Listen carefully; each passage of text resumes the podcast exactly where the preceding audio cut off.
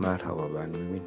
Bu podcast'imde size web sitemde yayınlamış olduğum suçluluk duygusu ve utanç ile alakalı yazımın sesli versiyonu dinleyeceksiniz. Türk Dil Kurumu'nda suçluluk duygusu kişinin ahlaki, dini kuralları çiğnediğini sezmesi sonucu bilinçli veya bilinçsiz olarak kapıldığı ve kendisiyle ilgili değer yargılarını sarsan duygu suçluluk hissi. Utanma duygusu ise insanın ruh dünyasında oluşan çekinme duygusu, utanç duygusu olarak tanımlanır.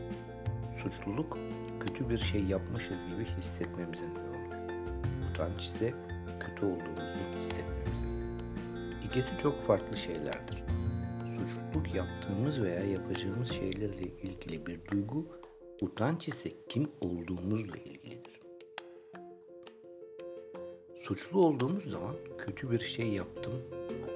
Utanç duyduğumuz zaman ise ben kötü biriyim hislerine kapılırız.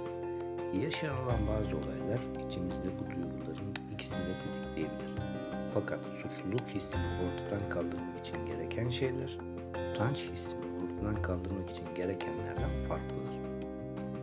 Suçluluğu ortadan kaldırmak için kendimizi cezalandırma, kendi kendimizi kınama veya her ne şekilde olursa olsun kendimize zarar verme meyilimizden kurtulmamız gerekiyor. Bunu yaptığımız şeyi telafi ederek, özür dileyerek ve çeşitli çalışmalarla yapabiliriz. Böyle yapmak suçluluk duygusunun yanı sıra utanç duygumuzun da bir bölümünü iyileştirmemize yardımcı olur. Fakat utanç duygusundan kurtulmak için genellikle daha farklı bir yaklaşım gerekir. Utançtan kurtulmak için kendimizle uzlaşmamız gerekir. Utanç kendimizle özellikle de zayıf veya bir şekilde kusurlu olan yönlerimizle daha sağlıklı bir ilişki kurduğumuzda iyileşir. Sağlıksız ve bizi düşüren utanç formlarını yok etmek için kendimizle daha mutlu ve daha sağlıklı bir ilişki kurmalıyız. Bu içimizdeki bizi kötüleyen veya küçümseyen sesin farkında olma ve ondan kurtulma anlamına gelmektedir. Ayrıca bize iyi davranmayan insanlarla kurduğumuz ilişkileri değiştirmek ve gerekirse onlarla aramızda mesafe koymak gerekir. Bu bizi gerçekten seven insanlardan şüphe duymamayı öğrenmek demektir. Utanç duygusundan kurtulmak çoğunlukla kendimizle iyi, nazik ve ilgili bir arkadaş olmaktan.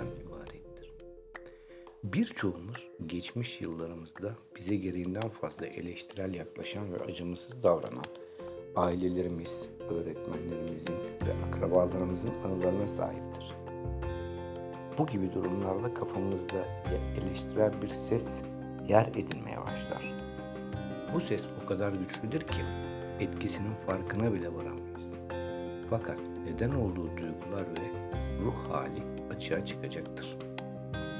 İçimizdeki o ses ne zaman bize destek olmayan, yapıcı olmayan bir şey önerirse kendi kendimiz bu sadece bir fikir, hepsi bu diyebiliriz.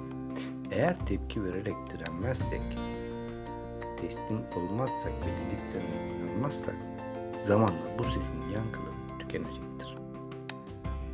Beni dinlediğiniz için teşekkür ederim. Eğer bu podcast'i, bu yayını faydalı buluyorsanız sevdiklerinizle paylaşmanızı isterim. Paylaşarak daha büyük kitlelere ulaşmak iyi olur. Onlar da faydalanır. Teşekkür ediyorum.